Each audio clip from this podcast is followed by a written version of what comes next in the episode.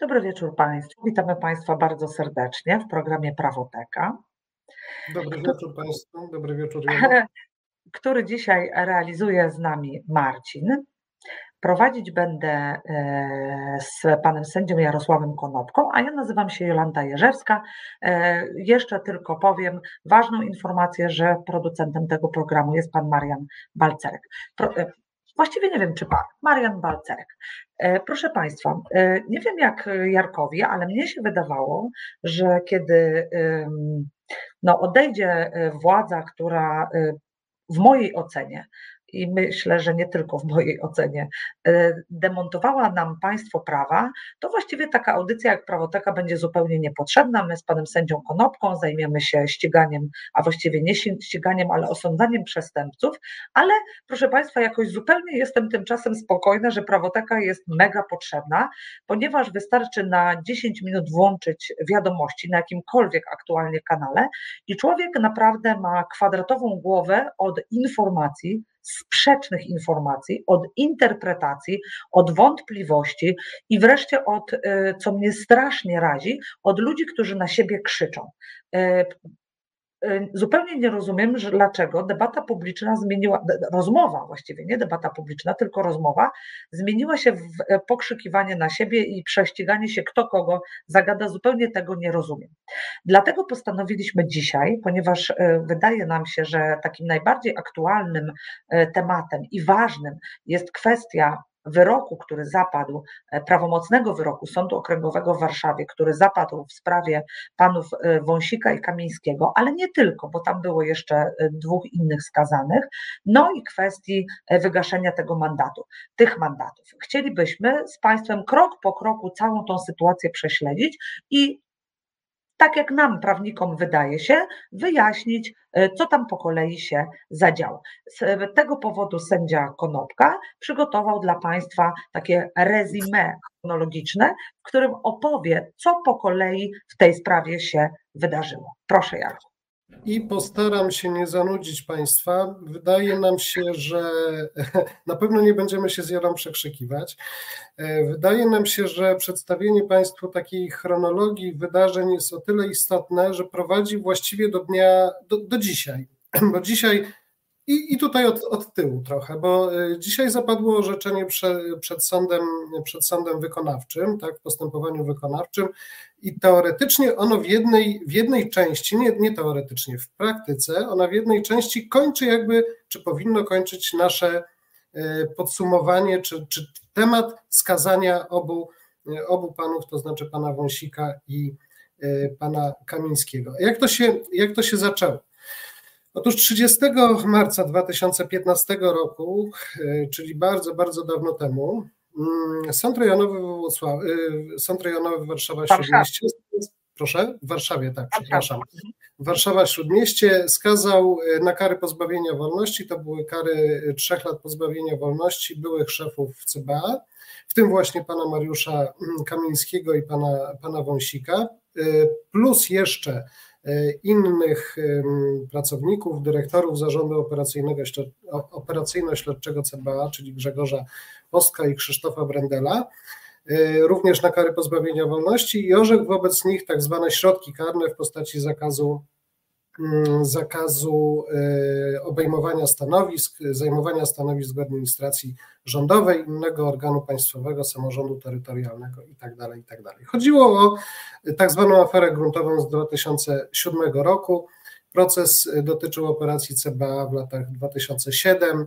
E, już Państwu nie będę, nie będę wiecie Państwo, czego, czego mniej więcej dotyczyło, to w, te, w tej sprawie pojawiał się wątek tak zwanego odrolnienia gruntu na Mazurach.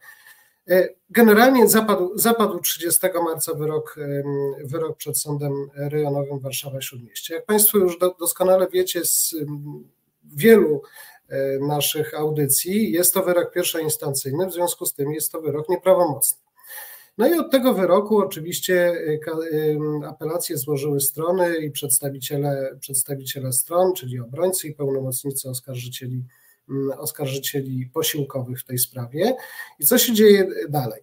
Tego samego roku, 16 listopada, pan prezydent Rzeczpospolitej Polskiej wydaje postanowienie, którym stosuje prawo łaski wobec czterech osób. To musimy, musimy jasno wskazać, że wobec czterech osób, y, korzystając z tak zwanej prerogatywy prezydenckiej określonej w artykule 139 Konstytucji, y, i uzasadnia to przynajmniej w przestrzeni medialnej tym, że sprawa była y, nieprawdopodobnie niszcząca dla wymiaru sprawiedliwości. No i jeżeli mamy budować dobry obraz wymiaru sprawiedliwości w Polsce, pan prezydent postanawia uwolnić cytuję, uwolnić wymiar sprawiedliwości od tej sprawy. Mm, wymiar sprawiedliwości nie potrafił e, skazać e, bandziorów z Pruszkowa, nie potrafił skazać ludzi zamieszanych w procedury łapówkarskie, a z drugiej strony pan prezydent był łaskaw powiedzieć, że wymierza drakońskie kary ludziom, którzy chcą budować w Polsce silne państwo, walczą z korupcją i on się z tym nie zgadza. Sprawa została według niego maksymalnie, to są też słowa pana prezydenta, maksymalnie upolitycznione. E, no, komentarz może, może później. Na razie, na razie pozostańmy przy tej, przy tej warstwie chronologicznej, co się dzieje dalej. E, otóż pan Kamiński zostaje, zostaje pre, e, ministrem w rządzie, zdaje się, że wtedy Beaty Szydło i od 2015 roku przez kolejne lata nieprawomocnie skazani politycy kontynuują swoje kariery polityczne. Nieprawomocnie skazani politycy, podkreślam. W rządzie. Tylko e, e, pamiętaj, Jarek, że gwoli ścisłości po e, akcie łaski pana prezydenta Sąd Okręgowy w Warszawie umorzył postępowanie. Y, tak, tak, już chwilkę, chwilkę chciałbym właśnie, właśnie chciałem do tego przejść, bo to jest też istotne, co się dzieje między, między wydaniem przez pana prezydenta i przed wydaniem przez pana prezydenta tego um, dokumentu, e, a co się dzieje, co się dzieje w warstwie jakby y, y, prawnokarnej. I otóż rzeczywiście tak, wtedy, wtedy następuje, następuje umorzenie tego postępowania, natomiast wyrokiem z 30 marca 2016 roku Sąd Okręgowy w Warszawie uchyla zaskarżony wyrok, od którego apelację złożyli obrońcy oskarżonych i właśnie następuje to umorzenie wobec mhm. artykułu 17 paragraf 1 punkt 11 KPK. E, długo, długo nic się nie dzieje, aż w końcu, e, aż, aha, przepraszam, e, na to postanowienie Sądu Okręgowego wpływają zażalenia. Zażalenia zostają, zostają, trafiają łącznie z aktami sprawy do Sądu Najwyższego, do Izby Karnej. I 31 maja 2007, Przypomnijmy sobie, że cały czas istnieje w przestrzeni publicznej y, ten akt, y, dokument wydany przez pana prezydenta z 16 listopada 2015, czyli, mm, czyli y, zgodnie z, zgodnie z jego postanowieniem ci panowie są ułaskawieni. 31 maja 2017 roku Izba Karna Sądu, Sądu Najwyższego w składzie siedmiu sędziów potwierdza jednoznacznie, bez żadnej wątpliwości, że prawo łaski jako uprawnienie prezydenta Rzeczpospolitej określone w artykule 139 Konstytucji może być realizowane wyłącznie wobec osób, których winę stwierdzono prawomocnym wyrokiem sądu, czyli osób skazanych. E, zaś zastosowane prawo łaski przed datą prawomocności wyroku nie wywołuje skutków procesowych.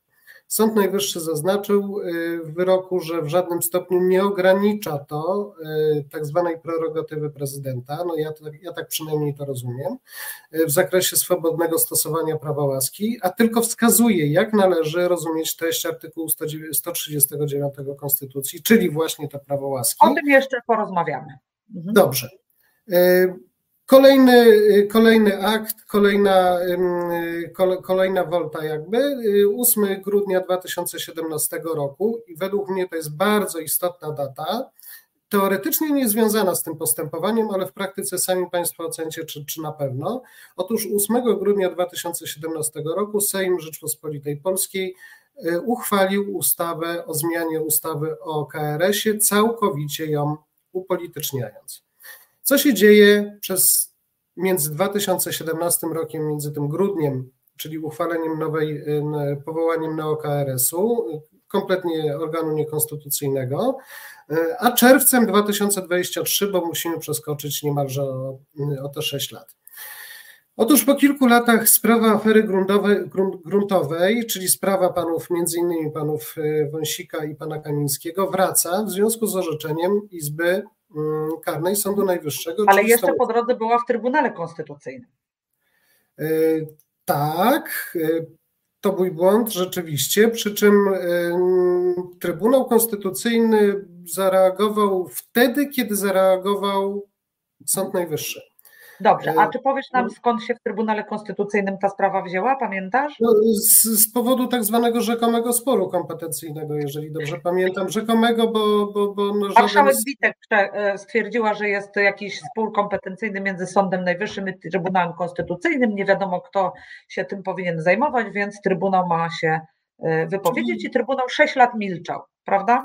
Bardzo, bardzo długo, bardzo długo milczał, po czym, po czym stwierdził, że rzeczywiście y, ten, ten, mm, y, ten problem istniał, on był rzeczywisty, no i Trybunał, tak jak chyba pan prezydent, rozwiązał go w, w sposób y, sobie właściwy, to znaczy orzekł, że no tak jak orzekł, tak? tak to znaczy, że, że, że prezydent miał prawo że miał prawo mm, zastosować tą tak zwaną abolicję indywidualną, czyli ułaskawić osoby, y, osoby niewinne. Y, trochę się pogubiłem. Aha, mamy ten czerwiec, dobrze, mamy czerwiec 2023. Mm, e, skład Sądu Najwyższego uznaje, że prezydenckie ułaskawienie było nieskuteczne, bo zastosowano je przed prawomocnym skazaniem. To wynika jednoznacznie z, z uchwały. E, I Sąd Najwyższy uchyla umorzenie, mm, to pierwotne, czyli dokonane przez e, Sąd Okręgowy w Warszawie, i w wyniku tego uchylenia sprawa ponownie trafia do Sądu Okręgowego w Warszawie, ale po to, żeby już rozpoznać apelacje stron złożone w tym, w tym postępowaniu. E, cały czas Trybunał Konstytucyjny Julii Przyłębskiej stoi na stanowisku, że Sąd Najwyższy nie ma prawa kontrolować kwestii dotyczącej prezydenckiego prawa łaski i jego skutków prawnych. Więc znowu jakby wychodzi poza, poza zakres tego, czym pierwotnie miał się zajmować, teoretycznie przynajmniej Trybunał Konstytucyjny, no bo miał stwierdzić o rzekomym sporze kompetencyjnym, a nagle twierdzi, twierdzi że, że nie ma prawa y, jakby mm, procedować nad, nad, nad całą prerogatywą aktu łaski. No i dochodzimy do sytuacji sprzed y, świąt, czyli 20 grudnia 2023 roku. Otóż warszawski Sąd, Sąd Okręgowy w Warszawie skazuje prawomocnie czyli skazuje prawomocnie dwóch posłów, Mariusza Kamińskiego i Macieja Wąsika, ale orzeka wobec nich inne kary, y, chyba środki karne również, prawda? W innym, w tak, innym zakresie. Zostały obniżone kary moim zdaniem wobec wszystkich oskarżonych. Wobec mhm. dwóch pozostałych panów też. O ile dobrze pamiętam, w pierwszym wyroku pierwszoinstancyjnym e, tam był wyrok e, dwóch lat pozbawienia wolności wobec nich, a w tym drugim wyroku z 20 grudnia 2023 roku moim zdaniem jest rok. Mhm. Ale w tak stosunku do panów być może, być może. Ja w tej chwili również nie pamiętam, skupiliśmy się trochę na tych, na tych najbardziej medialnych jakby doniesieniach, czyli, czyli na panu Wąsiku i Kamińskim. W stosunku do nich na pewno zapadł inny wyrok, bo e, Sąd tak, Okręgowy w Warszawie mhm. orzekł kary e, dwóch lat pozbawienia wolności w stosunku do obu i e, zakaz zajmowania stanowisk. Już mówimy w skrócie tutaj o zajmowaniu stanowisk, żeby, żeby Państwu nie, żeby Państwa nie zamęczać tymi regułkami.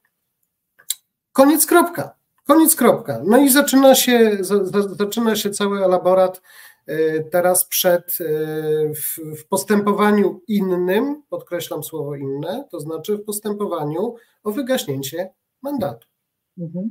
Tyle w skrócie historycznym. Jeżeli coś, coś pominąłem, to proszę, żebyś mi e, mnie Państwo już komentują. Proszę Państwa, ja e, Państwa komentarze czytam, e, widzę o co Państwo pytacie, ale tak sobie zaplanowaliśmy, że krok po kroku do, e, przejdziemy przez, całe te, przez całą tą historię. Najpierw chronologicznie, jak to zrobił Jarek, a teraz Państwu opowiemy, co konkretnie się działo, jeśli idzie o meritum. Więc proszę pozwolić, że te pytania będę odnosić do odpowiedniego fragmentu naszej rozmowy. Czyli proszę Państwa, pierwsza rzecz to jest taka, która mnie osobiście jako karnistę bulwersuje, że Pan prezydent prezydent e, publicznie e, kwestionuje wyroki sądów.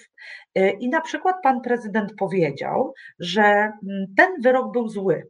Dlatego już nieważne który, czy prawomocny, czy nieprawomocny, ale w ogóle, że wyrok sądu był zły.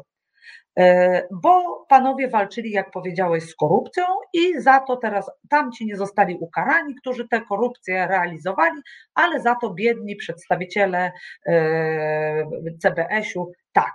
No i proszę Państwa, moim zdaniem e, absolutnie jest niedopuszczalne, żeby ktokolwiek, a zwłaszcza prezydent, w taki sposób wyrażał lekceważenie dla władzy sądowniczej, bo nie chodzi o to, że wyroki sądu są zawsze trafne, bo tak nie jest, że to są wyroki zawsze słuszne, bo tak nie jest, ale o to, że one muszą się cieszyć jakimś autorytetem.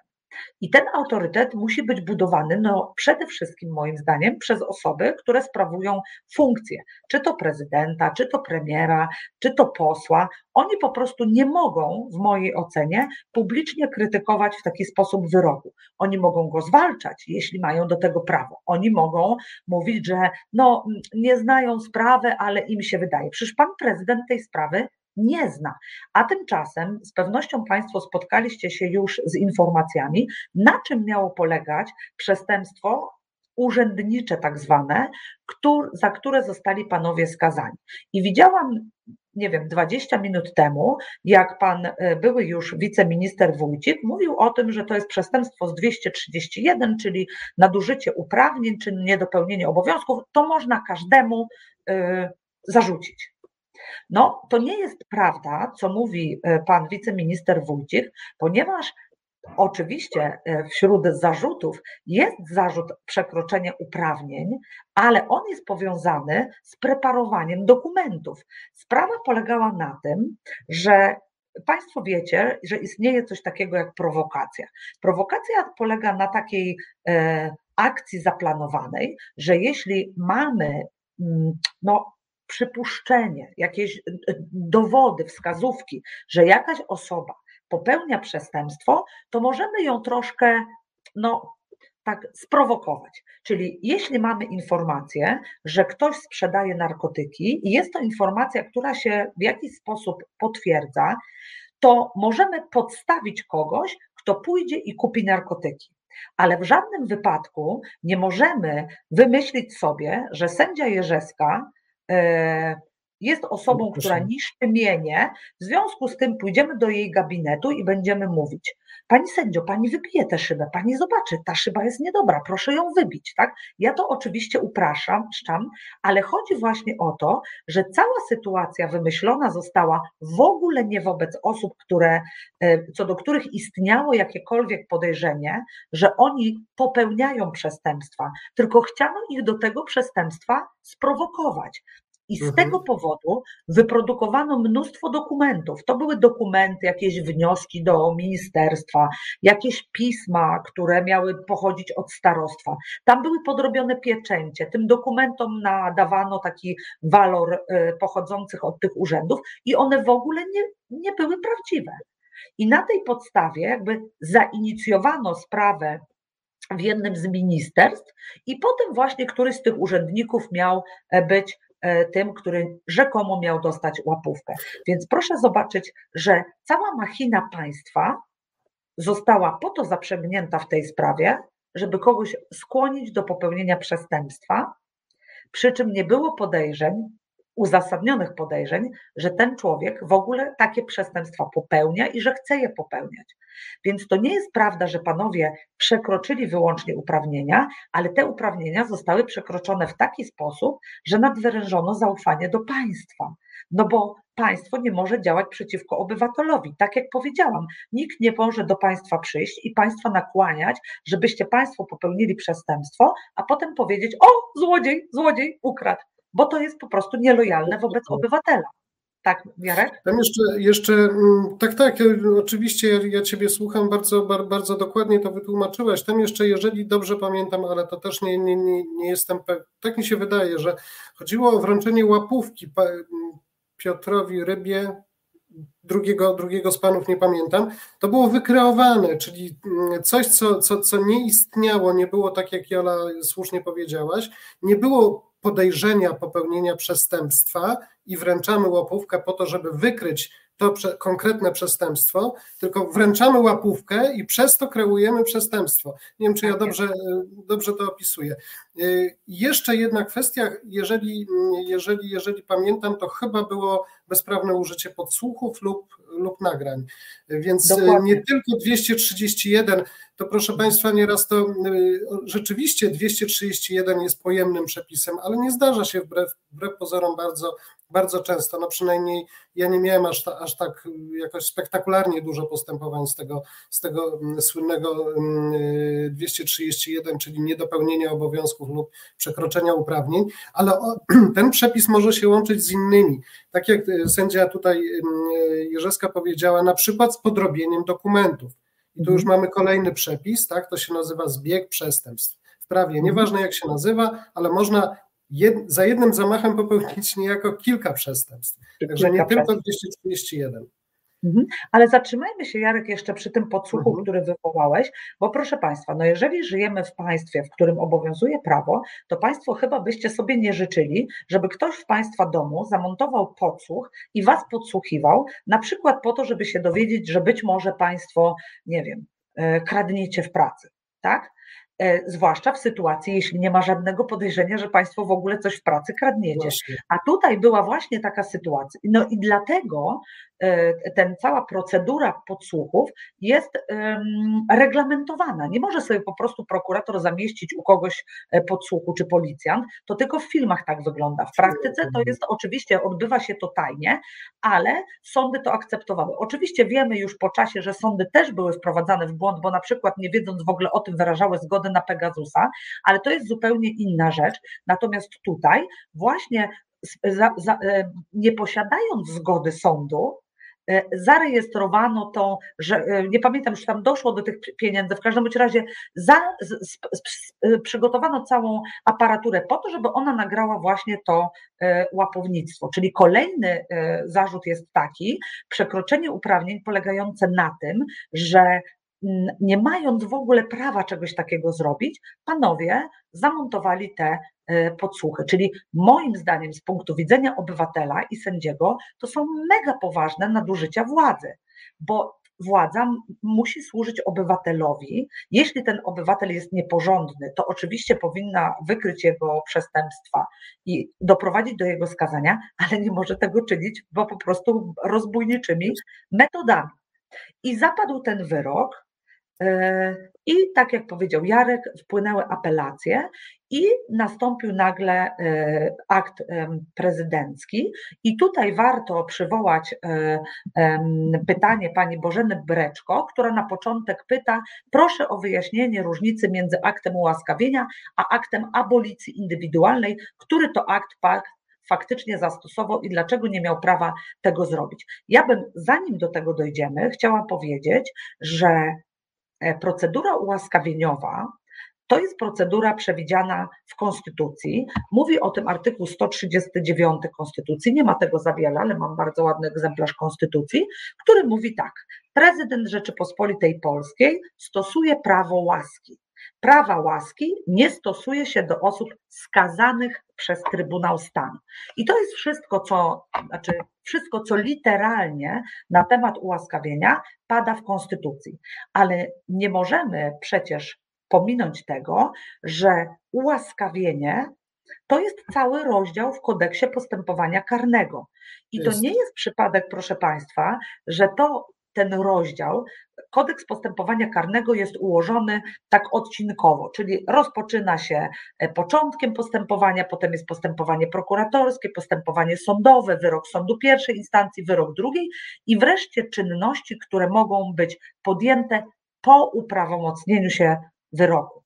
I właśnie w tej części kodeksu postępowania karnego znajduje się przepis o ułaskawieniu. Co więcej, jest... nie, mhm. tak, i tam jest przepisów więcej. Bardzo, bardzo, ważna, bardzo, ważna, bardzo ważna e, sytuacja, o której mówisz. To znaczy podział e, kodeksu, czyli ustawy na pewne działy. One są po kolei, jak, tak jak się zaczyna postępowanie i tak jak się kończy. To nie, nie, nie, jest, nie jest przypadkowe, że akurat e, przepisy dotyczące ułaskawienia, wykonania później kary, no to się znajduje w innym kodeksie, ale również w, w, w KPK-u, znajdują się na końcu, bo kończą postępowanie. Mhm. Mhm. Dokładnie. I chciałam jeszcze powiedzieć o tej procedurze, że jakkolwiek rzeczywiście ten prawo łaski, które ma prezydent, ono jest szerokie. Natomiast nie ulega wątpliwości, że y, taką jakby zwyczajną procedurą jest to, że sądy, które skazywały daną osobę, się wypowiadają, czyli sąd pierwszej instancji mówi, jak on teraz widzi tą sprawę. Potem mówi to y, sąd drugiej instancji, jeśli taki występował. A w tej sprawie, proszę Państwa, prezydent nie zebrał żadnej opinii od nikogo. W kancelarii e, prezydenckiej nie powstał żaden dokument, który był związany z tym ułaskawieniem. Mnie to osobiście bulwersuje, dlatego że jakkolwiek absolutnie nie kwestionuję prawa pana prezydenta do ułaskawienia, ale uważam, że obywatelom jest winien to, że jeśli ob, osoby wykonujące funkcje publiczne są oskarżeni o przestępstwa i skazani nieprawomocnie, za przestępstwa przeciwko obywatelom, to prezydent powinien zasięgnąć opinii. Tego prezydent nie zrobił. Jedynym dokumentem, który powstał, jest projekt tego ułaskawienia, w którym mhm. prezydent napisał, że przebacza, e, użył takiego śmiesznego słowa, e, e, przebacza, przebacza i przebacza i umarza postępowanie. W ogóle nie wiem skąd wziął to umorzenie postępowania, bo prezydent absolutnie nie ma takiej władzy, żeby umorzyć postępowanie.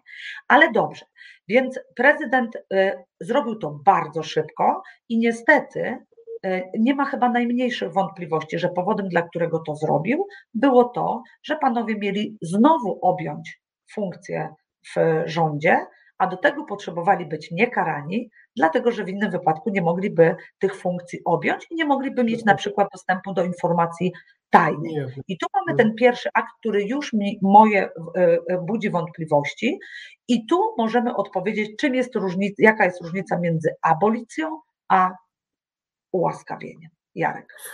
Aboli, ojejku, jejku. Abolicja indywidualna zgodnie, zgodnie z orzeczeniem Sądu, Sądu Najwyższego w tej, dokładnie w tej sprawie nie istnieje w polskim porządku prawnym. Nie można ułaskawić kogoś, kto jest osobą niewinną. Koniec, kropka. Dobrze, ale mnie chodzi o to, że bo w ogóle abolicja istnieje takie pojęcie i ono polega na tym, że decyduje się o tym, że dane przestępstwa w ogóle nie będą e, osądzane. Czyli e, to w ogóle musi być taka abolicja generalna, to następuje w formie ustawodaw, e, ustawowej, więc do tego w ogóle prezydent nie ma kompetencji, bo w ogóle nie ma prawa do tego, żeby ustawy jakiekolwiek ogłaszać. Natomiast jeśli idzie o tą abolicję indywidualną, no to ona faktycznie mogłaby być zastosowana na każdym etapie postępowania i ona po prostu powoduje, że nie ma tego postępowania. Ona może nawet nastąpić, zanim jeszcze ktoś zostanie wytypowany. Mogłaby nastąpić.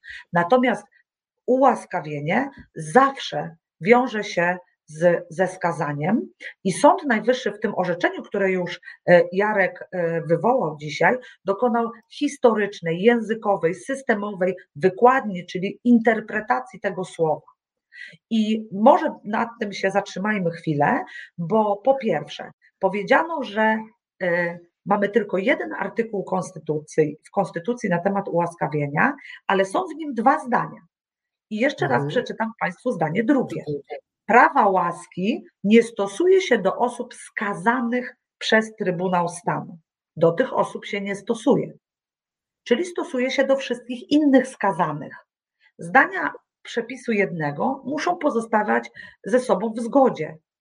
No bo jeśli pan prezydent miałby prawo e, e, osobę nieskazaną e, ułaskawić, to dlaczegoż miałoby to dotyczyć osoby, innej osoby niż takiej, która stanęła przed Trybunałem Stanu? Tak? Takiej nie może ułaskawić.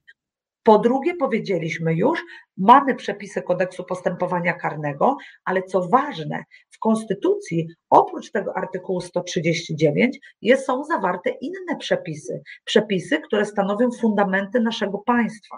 I tymi przepisami są te, które stanowią o trójpodziale władzy i te, które stanowią rozdział funkcji, kompetencji między tymi organami państwa, czyli organami władzy wykonawczej, ustawodawczej i sądowniczej, zastrzegając dla nich określone kompetencje. I pan prezydent nie ma kompetencji orzekania, e, wykonywania władzy sądowniczej. A jeżeli on ułaskawił kogoś przedtem, zanim on został uznany za winnego, to de facto wkroczył na granicę sprawiedliwości i wymiaru sprawiedliwości, bo powiedział: Nie będzie drugiej instancji, nie będzie prawa dla sądu do, dla oskarżycieli posiłkowych. I wreszcie, co moim zdaniem najważniejsze, ja się dziwię, że w ogóle pan prezydent się przy tym upiera, jest jeszcze coś takiego jak zasada domniemania niewinności. Czyli dopóki nie zostałeś prawomocnie skazany, jesteś niewinien. I zawsze ten sąd drugiej instancji może stwierdzić, że ty nie masz winy i ciebie uniewinnić. Wtedy ułaskawienie w ogóle nie będzie potrzebne. Prawda? Wobec tego, jakby pan prezydent przekreślił te wszystkie zasady domniemania niewinności, równowagi władz, zastrzeżenia określonych kompetencji i trójpodziału władzy. E, Trybunał Konstytucyjny, kiedy, kiedy to analizował, powołał się na przykład e, na mm, postanowienia poprzednich konstytucji. E, twierdząc, że wcześniej w konstytucji było zawsze napisane, że może prezydent ułaskawić skazanego albo prawomocnie skazanego. A skoro nasza konstytucja teraz tak nie pisze, tak nie mówi, może tak, to znaczy, że teraz to prawo zostało poszerzone. I to nie jest prawda, bo żeby dokonać takiego porównania, należałoby porównać wszystkie przepisy. A chyba Państwo ze mną się zgodzicie, że troszkę inna była Polska za czasów Konstytucji Marcowej, troszeczkę była inna za czasów Konstytucji Kwietniowej, inny był ten e, kształt naszej demokracji. Dopiero ta konstytucja mówi o trójpodziale władzy, o domniemaniu niewinności, bo staliśmy się państwem, w którym nasza demokracja miała być bardziej nowoczesna. I tym wyrazem jest właśnie to, że cała ta konstytucja jest inna. I dlatego nie można wyrywkowo porównać sobie dwóch przepisów i powiedzieć, no skoro one brzmią troszeczkę inaczej, to widać, ustawodawca chciał coś zmienić. No nie zawsze. Ale, Może po prostu wręcz, inaczej to. Mhm. Wręcz pod, pod, e, przepis artykułu 109, 139 zdanie drugie właśnie potwierdza to, co mówisz. To znaczy, że nie może ułaskawić osoby, mhm. osoby niewinnej. Po to jest to tak zwane wyłączenie wskazane w Konstytucji, żeby nie było żadnych, żadnych problemów interpretacyjnych, a mówienie że skoro, skoro przepis artykułu 190, 139 Konstytucji zdanie drugie mówi o, y, o Trybunale Stanu, no to stosujmy go a contrario i tutaj są, są jakieś naprawdę, przepraszam za kolokwializm, chocki, klocki prawnicze albo inne, y, inne tego typu wymysły. Y, stosujmy go do, do, do, do sytuacji właśnie takiej jak w sprawie panów Kamińskiego i Wąsika, czyli cały czas nieskazanych prawomocnie, ergo osób niewinnych. Jeżeli byśmy poszli tą, tą drogą takiej, no teoretyzuję, tak, interpretacji, to dlaczego w takim razie prezydent nie mógłby siebie ułaskawić na przyszłość? Prawda? No możemy, możemy nie mógłby. No, no, właśnie nie mógłby, no nie mógłby siebie no, ani no nikogo tak, innego. Brniemy, brniemy już w takie, w takie absurdy, yy, yy, nawet, nawet nie prawnicze, logiczne, prawda, na przyszłość. To znaczy przestaje być prezydentem, no ale wydaje wobec siebie akt, yy, akt łaski abolicji indywidualnej na przyszłość, tak? Wtedy, kiedy nie będę, nie, będę prezydentem, popełnię, czy prezydentką, popełnię, popełnię przestępstwo umyślne ścigane z oskarżenia publicznego, bo to jest istotne mhm. też. I w związku z tym dzisiaj wydaję na przyszłość sobie taki glejt, że nic mi się nie dzieje. Mhm. Pan e, Hen R pisze, a nie ma czegoś takiego jak ułaskawienie postępowe, czy coś takiego. Nie wiem, co ma Pan na myśli, ale potem chyba precyzuje Pan pytanie, pytając, czy, mu, czy można ułaskawić kogoś, przeciwko komu toczy się postępowanie. No nie można. Musi to być postępowanie prawomocnie zakończone. No, zobaczcie Państwo, że to jest w ogóle logiczne. Jeżeli skazanym jest dopiero człowiek, który został prawomocnie skazany, no to nie można niewinnego ułaskawić, bo ułaskawienie to jest uwolnienie od kary, od konsekwencji tego, że ktoś został e, skazany tak? Wobec tego jeszcze na coś Państwu zwracam uwagę. Prezydent umorzył to postępowanie. W ogóle umorzyć postępowanie może tylko sąd. Ja nie wiem, skąd panu mhm. prezydentowi przyszło to do głowy. Ktoś tu z Państwa pisze, że ja że ja e, naruszam autorytet pana prezydenta. Proszę państwa, ja po prostu mam prawo oceniać to, co pan prezydent robi. Nie wydaje mi się, żebym go w jakiś sposób obrażała. Po prostu analizujemy prawnie i uważamy, że pan prezydent popełnił błąd. Co więcej, ja państwu powiem tak. Pan prezydent miał pełne prawo popełnić taki błąd. Wolałabym oczywiście, żeby nie popełniał, ale tak samo wolałabym nigdy się nie mylić i pewnie wolałabym, żeby Jarek się nigdy nie mylił, ale jesteśmy ludźmi, jesteśmy omylni i zupełnie nie rozumiem, dlaczego pan prezydent nie może powiedzieć: OK, wydawało mi się, że mogę to zrobić, ale teraz jest orzeczenie Sądu Najwyższego. Szanuję ten wyrok, bo to jest orzeczenie Sądu Najwyższego. W związku z tym Ułaskawię panów jeszcze raz, jeśli jest taka moja wola. Trudno pomyliłem się. No proszę państwa, zupełnie nie rozumiem tego yy, No, nie, nie, nie bądźmy no, doradcami pana prezydenta, ale wydaje mi się, że w takiej sytuacji, w jakiej dzisiaj jesteśmy, to znaczy no takiej czystej już aberracji jakby, bo, bo tak jak powiedziałaś na początku naszego programu, y, właściwie otwier- włączamy telewizor albo, y, albo, albo internet i co 10 minut ktoś mówi coś zupełnie innego, ale w takiej sytuacji najprostszym byłoby wydanie po prostu postanowienia o ułaskawieniu osób już w tej chwili skazanych prawomocnie. Y, no ja dobrze, myślę, ale że... jeszcze, tak, bo jeszcze pojawiła się tam kwestia tego, że po tym ułaskawieniu pana prezydenta sąd okręgowy wydał wyrok, no którym uchylił wyrok skazujący i umorzył postępowanie. I otóż ten sąd, no musimy to powiedzieć, trochę też wykazał się nieko, yy, niekonsekwencją, ponieważ on powiedział tak. Wprawdzie mam zastrzeżenia do tego, co zrobił prezydent, bo wydaje mi się, że trochę to nie powinno tak być, ale nie mam prawa tego oceniać, bo pan prezydent ma szerokie prawo ułaskawienia, skoro to zrobił, trudno. Ale jednocześnie ten sąd umorzył postępowanie. No skoro mhm. byłby konsekwentny, to już pan prezydent umorzył postępowanie. Nie powinien był wtedy tego robić. E, I to spowodowało wniesienie właśnie kasacji. Pani Bożena Bakiera pisze: Absolutnie prezydent nie może zmienić wyroku, tylko skutki. Pani Bożeno, może prezydent zmienić wyrok, bo może na przykład powiedzieć, że ktoś miał iść do więzienia, a nie pójdzie. Może powiedzieć sąd, że sąd, że ktoś miał odbyć trzy lata pozbawienia wolności, ale on będzie rok. Może prezydent powiedzieć, że te czegoś tam z tego wyroku nie zrobi. On nie może zmienić mhm. tego, że zapadł wyrok skazujący. Tak? On może nawet powiedzieć: Nie ma już tego wyroku, wybaczyłem, zacieramy skazanie, czyli uznajemy to skazanie za niebyłe.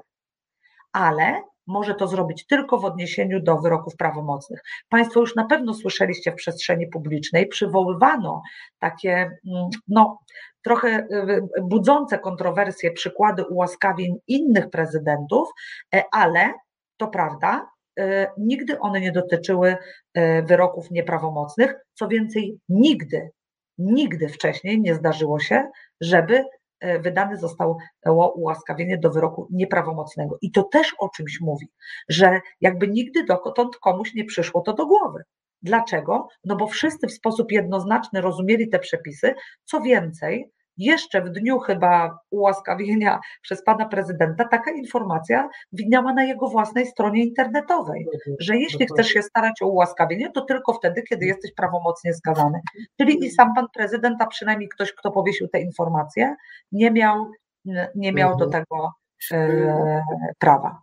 Mhm. Mało tego, ponieważ w sieci nic nie ginie, gdybyście Państwo chcieli i mieli czas na to, żeby, żeby poszukać dawnych wypowiedzi ówczesnego jeszcze mm, no, na, na, na, owe czasy jeszcze nie prezydenta, czyli pana Andrzeja Dudy z kancelarii prezydenta Kaczyńskiego, można znaleźć w sieci wypowiedzi, czyli gdzieś tam, no, no ale to, to, to, naprawdę wymaga głębszego poszperania, w których sam pan Duda mówi właśnie o mm, ułaskawieniu tylko w odniesieniu do osób prawomocnie skazanych.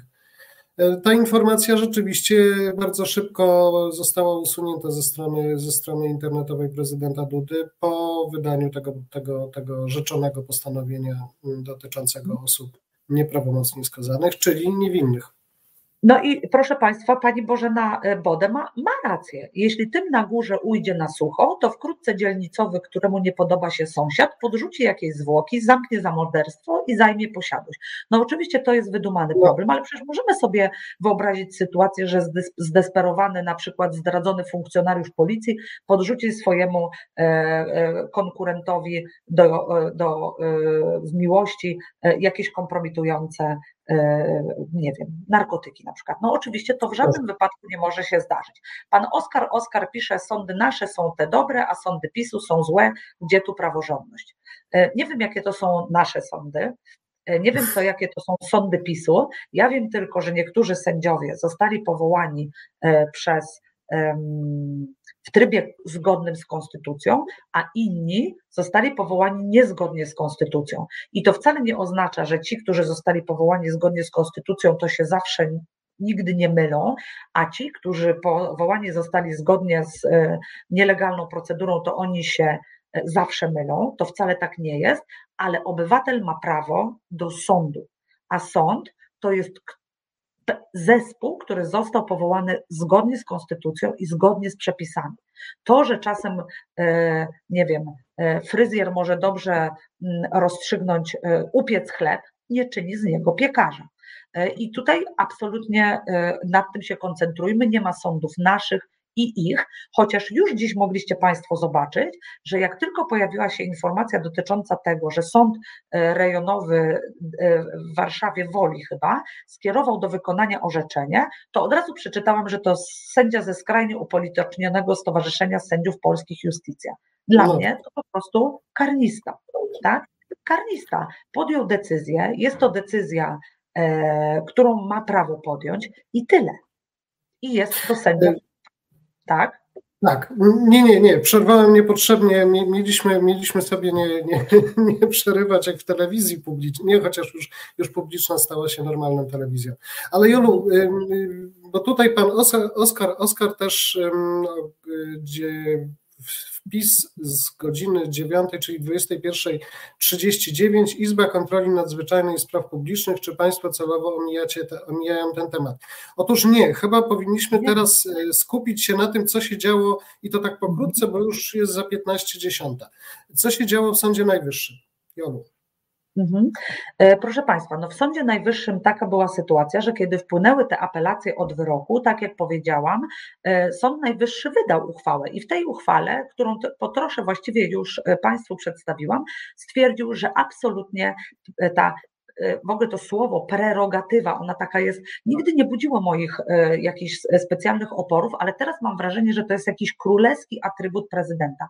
No nie, prezydent jest tylko jednym z realizujących władzę i jednym z organów konstytucyjnych powołanych do tego, by ją sprawować. I oczywiście on ma pewne uprawnienia, ale one nie są absolutnie e, no jakby poza kontrolą. Tak jak powiedział Jarek, gdyby tak było, no to pan prezydent mógłby uniewinnić każdego na przykład dzisiaj mógłby powiedzieć, że on już właśnie uniewinnia, e, no nie wiem kogo.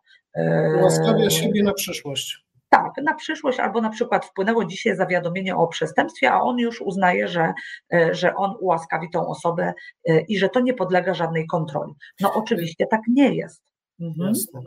Ja myślę, I sąd, że... Ale sąd, I Sąd Najwyższy uchyli, e, wydał tą uchwałę, ale wtedy e, zachował się tak lojalnie, bo kiedy sprawa została skierowana do Trybunału Konstytucyjnego, to po prostu postanowił poczekać na rozstrzygnięcie Trybunału Konstytucyjnego. I proszę Państwa, czekał 6 lat.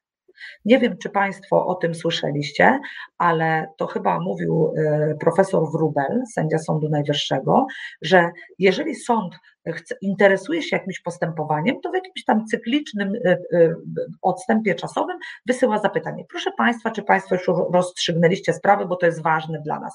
Mhm. Tutaj nie udzielał Trybunał Konstytucyjny nawet odpowiedzi. Na początku odpisywał, nie, nie, nie, jeszcze się tym nie zajęliśmy, a potem przestał. Sąd Najwyższy czekał 6 lat. Od wyroku pierwszej instancji minęło ile lat, proszę Państwa? On zapadł w 2015 roku. To jest 8 lat. 8 lat. No nie może być tak, że wyrok czeka, czeka, czeka i nic się nie dzieje. Więc w końcu Sąd Najwyższy stwierdził, ok, jeśli Trybunał Konstytucyjny nie chce się z tą sprawą zmierzyć, to w takim razie my ją rozstrzygniemy. i uchylił wyrok sądu, wyrok sądu odwoławczego w Warszawie. Mhm. I co wtedy się stało? Dokładnie to, o czym powiedział Jarek, czyli nagle w Trymiga zebrał się Trybunał Konstytucyjny i orzekł przeciwnie. Problemem jest to, że ułaskawienie pana prezydenta nie mogło w ogóle się dokonać. I zobaczcie Państwo, o tym już na pewno słyszeliście, że to ułaskawienie dotyczy innego wyroku. Bo sąd okręgowy w Gdańsku Właśnie, on zmienił wyrok, zmienił opis czynów, zmienił kwalifikacje chyba częściowo e, i zmienił kary, i zmienił środki karne. Tutaj któraś z pań pytała, czy może prezydent y, y, y, orzekać tylko o karze w kwestii ułaskawienia, czy też o środkach karnych. Toczyła się co do tego dyskusja, ale moim zdaniem może również orzec o środkach karnych, czyli powiedzieć, te nie obowiązują, bo, ta, bo to uprawnienie pana prezydenta jest szerokie, ale to nie znaczy, że jest w żaden sposób nieograniczone i niekontrolowalne. Tak po prostu e, być nie może. Jeśli idzie o Izbę, mm, izbę Kontroli, no nie jest. Tak, bo chodzi chyba, chodzi chyba o mm, jakby drugą część naszego, w ogóle naszego programu. Ja nie wiem, czy my, chyba nie zdążymy już w tej chwili, ale. Troszeczkę, szybciutko wytłumacz. Chodzi o, manda, o, o, o, kwestię wygaśnięcia mandatu, bo tutaj pewnie komentujący Oskar Oskar miał na myśli kwestię wygaśnięcia mandatu panów, panów byłych, byłych posłów. Izba Kontroli, czy Państwo celowo omijacie ten temat? Oczywiście nie, tylko chcieliśmy bardzo dokładnie Państwu wytłumaczyć, na czym polegało na jakby pierw, prabłąd w, w tym wszystkim, to znaczy e, zaczęliśmy od, od wydania tego, tego postanowienia e, przez prezydenta, który, który w, te, w tym kształcie i w, takim, e, w, ta, w takiej literze prawa nie mógł być po prostu wydany. Ale znajdujemy się jakby już w sądzie, w sądzie, w sądzie Najwyższym po to, żeby Sąd Najwyższy, jak rozumiem to pytanie, zbadał czy bada kwestię wydania, wydania Mhm. Ale wiesz co, Jarek, teraz pomyślałam, ponieważ mamy mało czasu, a ten odcinek mhm. akurat jeszcze tej sagi trwa, więc jeżeli Państwa ciekawi ten temat, możemy przełożyć tę dyskusję i jakby śledzić te wydarzenia dalej. E, e, e, pyta Pan Paweł Szymański, Pani sędzio, czy Pan Duda popełnił przestępstwo ułaskawiając tych gości? Myślę, że tutaj nie możemy chyba mówić o przestępstwie, bo no, y, po pierwsze, nie znam tej sprawy. To znaczy, żeby, proszę Państwa, rozstrzygać, to trzeba mieć dowody, trzeba mieć akt oskarżenia. Y, dopuszczam, że Pan prezydent y, po prostu uważał, że takie prawo miał, zresztą trwa na takim, na takim stanowisku i dopuszczam to, że może źle zinterpretował przepisy, chociaż miał najlepszą wolę. Na pewno, na pewno pan prezydent przekroczył jakby swój zakres uprawnień w tym zakresie. Pan Piotr Strychalski, widzę tutaj u Państwa e, toczyła się jeszcze dyskusja dotycząca tych posłuchów. Proszę Państwa, to prawda, z tymi podsłuchami to rzeczywiście była trochę, e, mówiąc tak kolokwialnie, wtopa, ale Zobaczcie Państwo, to się w sądzie odbywa w ten sposób, że sędzia dostaje wniosek od policji, od prokuratury, od prokuratury y, i działa w zaufaniu do tych służb. To są wnioski tajne, sędzia rozpoznaje to w kancelarii, oni tajnej, oni uzasadniają w jakiś sposób. Rzeczywiście, y, no być może naiwnością było, y, ale wydaje mi się, że uprawnioną naiwnością, że sędziowie uważali, że z tymi wnioskami występują organy kompetentne, uczciwe, no, organy państwa. No więc e, oczywiście mógł sędzia wymagać od strony postępowania e, przedłożenia jakichś dokumentów dodatkowych, na przykład czym będzie podsłuchiwał, ale moim zdaniem tym sędziom nie przyszło do głowy, że tam e, dochodzi do takich nadużeń, nadużyć. Przypominam Państwu, że nikt nie wiedział o istnieniu Pegasusa wtedy, a, a przynajmniej o tym, że mają go polskie służby. W związku z tym, no oczywiście wyszło słabo, ale to też powinno Państwu uświadomić, jak jest ważne, żeby te służby y, działały w granicach prawa. Tak? One nie mogą sobie wybierać jakichś nielegalnych narzędzi do tego, żeby prowadzić postępowania. No tak, oczywiście pani Bożena Breczko pisze co, to, co mówi e, kancelaria. Tak, oczywiście kancelaria trwa na tym e, stanowisku. Prawdą jest, że przywoływany jest profesor Waltoś. Dzisiaj słyszałam, że profesor Waltoś uważa, że jego słowa zostały wyciągnięte z kontekstu, ale potem znowu słyszałam ministra Wójcika, wiceministra i to byłego, który twierdził, że profesor Waltoś dziwnym trafem zmienił zdanie. Nawet jeśli zmienił zdanie, nawet jeśli zmienił zdanie, proszę Państwa, no na tym polega rozwój prawnika. Zapewniam Państwa, że ja mam wiele innych poglądów niż miałam 10 lat temu. Oczywiście. Tak, Jarek, chciałeś coś powiedzieć? E, nie, a propos, a propos y, tego, o czym, o, czym mówił pan, pan Wójcik y, i o komentarzu pana profesora Waltosia. Owszem, taki, taki komentarz okazał się wiele, wiele lat temu, natomiast w następnych wydaniach również komentarze pana profesora Waltosia, y, to ten argument już, już nie istniał. To znaczy profesor Waltoś już nie twierdził, że można ułaskawić osobę nie, niewinną, czyli wydać, wydać akt łaski w stosunku do do, osoby nieskazanej.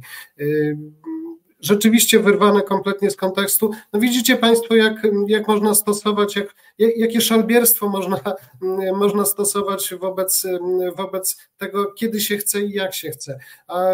Ale zobacz Jarek, bo słusznie potem pan Paweł Szymański, zobaczcie Państwo, do jakich to prowadzi absurdów, no bo wydawałoby się, że akt łaski to jest coś takiego ostatecznego, co już kończy sprawę. Tak? Mhm. Czyli wszystko, cały ten kataklizm postępowania karnego się przetoczył, ktoś został skazany i prezydent mówi tak, no faktycznie, ale postępowanie trwało 20 lat, ten człowiek się nacierpiał, poprawił się, daruje mu tą karę.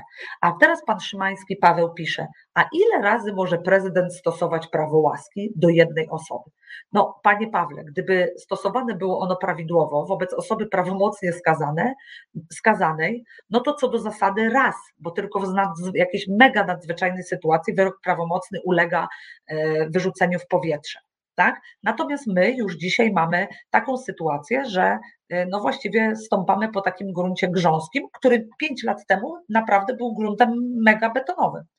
I pani Małgosia i Czesiek Lisieccy pytają, abolicja indywidualna to znaczy, że Kowalski może ukraść konkretne dobra, ale pozostali obywatele za to przestępstwo będą karani.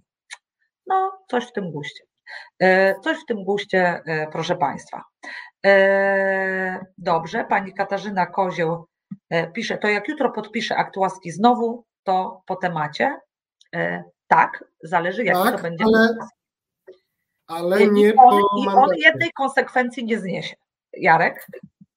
Po, tem, po temacie w sensie prawnokarnym, dodajmy, tak? To znaczy zatarcie, zatarcie wyrzucenie jakby z KRK, czyli z Krajowego Rejestru Karnego, natomiast nie znosi to, ale to jest moje, moja opinia, nie znosi to kwestii mm, utraty mandatu mandatu. Ja też tak uważam, bo ten mandat on aut, automatycznie wygasa. Tak to tak, proszę Państwa, jak polisa ubezpieczeniowa. Macie ją Państwo zawartą do 31 lipca. Wobec tego, co by się nie działo, 1 sierpnia jej nie ma i tego nie da się już e, przywrócić. Państwo możecie zawrzeć nowe ubezpieczenie, na przykład 5 sierpnia albo 2 sierpnia nawet, ale nie zmienia to faktu, że 1 sierpnia, jeśli nie zawarliście umowy, to ubezpieczenia nie macie. A kodeks wyborczy mówi o tym, że jeżeli ktoś został prawomocnie skazany, na za przestępstwo umyślne, na karę pozbawienia wolności, to traci mandat. I to się stało. I teraz już te e, kwestie związane z marszałkiem, do tego wrócimy, jeśli Państwo sobie życzycie. Dajcie, proszę Państwa, e, znać, czy chcecie, żebyśmy jeszcze o tym pogadali e, za tydzień czy za dwa. To tego już nie zmienia, tylko marszałek, moim zdaniem, to jest takie deklaratoryjne. To, to, to, znaczy, że sąd tylko stwierdza pewien, pewien stan faktyczny. To tak na przykład jak, e, nie wiem, e, zostaliście mm, no, jakby to. Ale mm, to prosto, prosto wytłumaczyć mi się wydaje, bo jeżeli, jeżeli przepis mówi o tym, że, że wygasa wtedy, kiedy dana osoba jest skazana prawomocnie, po pierwsze, prawomocnie, e, znaczy jest skazana, jest zawsze prawomocnie, no, ale za, za przestępstwo umyślne. I na przykład e, mm, pan marszałek czy pani marszałkini wysłałaby do prezydenta e, dokument stwierdzający wygaśnięcie mandatu, ale okazuje się, że dana osoba jest skazana za przestępstwo nieumyślne. Powiedzmy, bo ja wiem, wypadek drogowy. Tak, mhm. to jest, to jest generalnie, generalnie mm, przestępstwo nieumyślne. I wtedy Sąd Najwyższy stwierdza ho, ho, ho. Pan prezydent, pan, pan marszałek lub pani marszałkini pomylili się, bo tu nie chodzi o, o przestępstwo umyślne. Ciach, rzeczywiście formalnie je wtedy uchylamy. No, taki pierwszy, pier, pierwszy z brzegu przykład. Mhm. Inny może łatwiejszy. Idźmy, nie chodzi o to, że po prostu pewne rzeczy się y, tylko y, potwierdza. Na przykład, no nie wiem, zawarliśmy mhm. Jakąś umowę i potem się tylko potwierdza, że ona została zawarta. E, proszę Państwa, mało czasu zostało, a jeszcze mamy kilka fajnych e, pytań. Pani Bożena Breczko pyta, Sąd Rejonowy dziś nie uwzględnił wniosku prokuratury o umorzenie postępowania wykonawczego. Stronom przysługuje zażalenie od tej odmowy. Czy to odwleka wykonanie wyroku? Pani Bożeno, co do zasady czynności w postępowaniu nie są, nie, musiałby sąd wstrzymać wykonanie kary. I o ile pamiętam w sprawie tych dwóch pozostałych panów, sąd wstrzymał, e, wstrzymał wykonanie kary, bo tam jest wniosek o odroczenie ich wykonania, czyli są jakieś argumenty, że panowie tej kary teraz wykonywać nie mogą i sąd do czasu podjęcia tej decyzji e, wstrzymał jej wykonanie, czyli powiedział, dobra, poczekamy, najpierw to rozstrzygniemy, a potem zobaczymy. Tu w przypadku panów Wąsika i Kamińskiego takich wniosków nie ma, no bo przecież oni uważają, że nie są e, skazani. To jest dla mnie absolutnie nieakceptowalna sytuacja, w której nie można się już powoli połapać. Znaczy, można się połapać, ale krzyk, który jest w tej sprawie strasznie w tym e, przeszkadza. E, I jeszcze była, było jedno pytanie. A właśnie, pani Katarzyna Kozioł, bardzo celna e, refleksja. To, że ta sprawa ciągnie się tyle lat, jest też niekorzystne dla poszkodowanej rodziny Lepera, bo dopiero po wyroku mogą żądać roszczeń z powództwa cywilnego od oskarżonych. Tak politycy chronią swoich. Proszę Państwa, weźmy to do normalnej sprawy. Wyobraźcie sobie Państwo, że Państwo jesteście ofiarą wypadku samochodowego i w trakcie postępowania, które jeszcze się nie zakończyło, ale jest pierwszy wyrok nieprawomocny, który mówi tak, to jest wina kierowcy, potrącił państwa na przejściu dla pieszych. Tak? I nagle prezydent mhm. mówi, ułaskawiam. I państwo zostajecie na lodzie. No bo nie macie wyroku skazującego, musicie pójść do sądu cywilnego, tak? No bo jeżeli jesteście pokrzywdzeni tym wypadkiem, to jesteście też poszkodowani, bo na przykład mieliście złamaną nogę, musieliście y, chodzić na rehabilitację, nie wiem, były komplikacje, leki, tak? Proszę zobaczyć, proszę Państwa, to nie jest tak, że proces to jest tylko oskarżony i sąd. Nie. Najczęściej to jest jednak tak, że jeszcze gdzieś są tutaj oskarżeni. E, i tutaj e, oskarżyciele. I tutaj byli oskarżyciele posiłkowi, tak? Bo byli ludzie, którzy byli no, pokrzywdzeni takim działaniem e, prokuratury. Pan Paweł Szymański pyta, pani sędzio, co teraz jak żyć? Panie Pawle, no nie pomogę panu. E, myślę, że e, tak normalnie, no po prostu rozsądnie zastanawiać się nad wszystkim, co się wokół nas dzieje. Patrzę, co tu jeszcze. Tak, pani Katarzyna Kozioł pisze, Izba Kontroli Nadzwyczajnej i Spraw Publicznych nie jest sądem. No to też dzisiaj słyszeliśmy, że e, orzeczenia e, e, europejskich trybunałów nie dotyczyły Izby Kontroli Nadzwyczajnej, tylko Izby Dyscyplinarnej. No ale to jest nieprawda, prawda? Nieprawda, Także, nieprawda. Dobrze. Gogol mówi, a co z zasadą domniemania niewinności? No to już o tym mówiliśmy. W tej instancji już nie obowiązuje.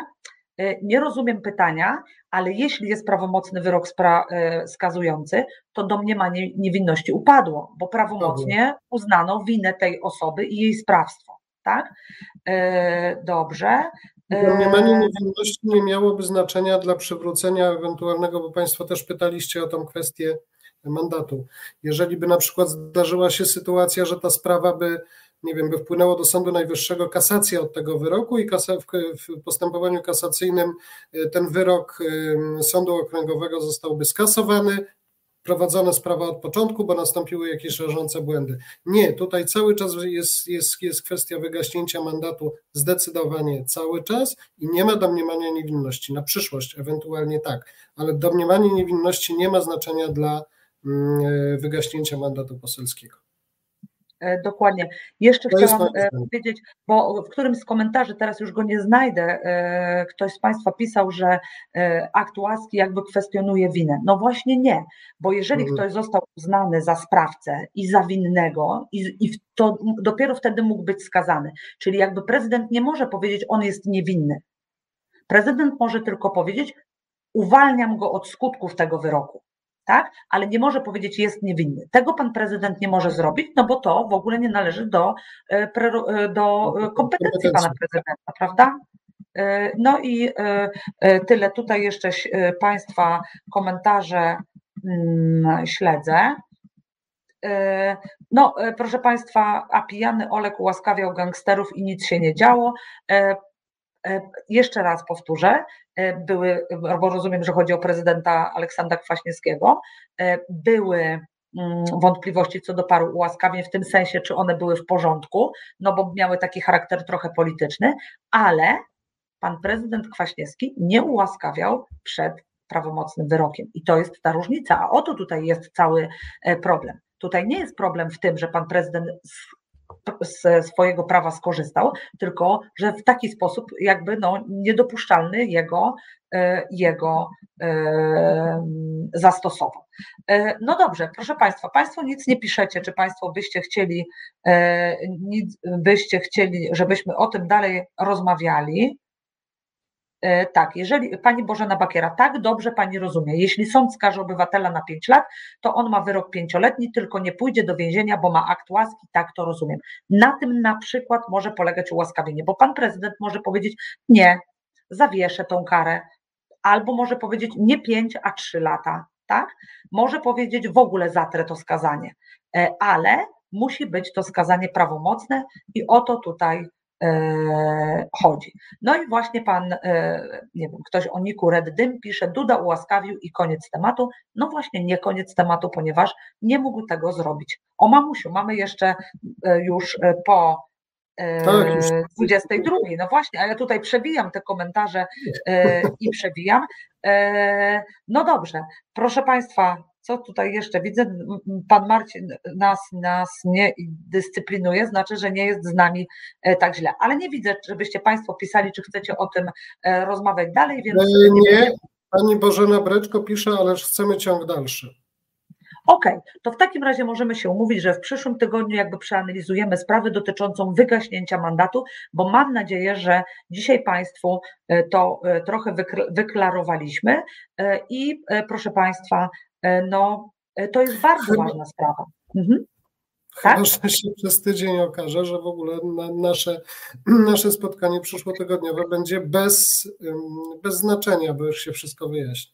E, no dobrze, ale i tak możemy to Państwu. Ale to jest istotne, to jest ważne. To jest tak ważne. Jest. E, dzisiaj Państwu bardzo serdecznie dziękujemy. E, bardzo dużo dzisiaj mówiliśmy, ale tak zaplanowaliśmy tą e, audycję, dlatego nawet nie zaprosiliśmy gościa, bo myśleliśmy, że będzie, mam nadzieję, że Państwo to dobrze przyjmiecie, że mm, no, chcieliśmy Państwu to tak krok po kroku, powolutko wszystko wyjaśnić i mam nadzieję, że Państwo to dobrze przyjęliście. Dziękujemy Państwu bardzo. Dziękujemy. Dobranoc. Do zobaczenia za tydzień. Dziękuję Dobranoc. Ci, Jarek, za Do zobaczenia. Dziękuję, Jolu. Dobranoc, Na razie, do widzenia. Do zobaczenia. Cześć.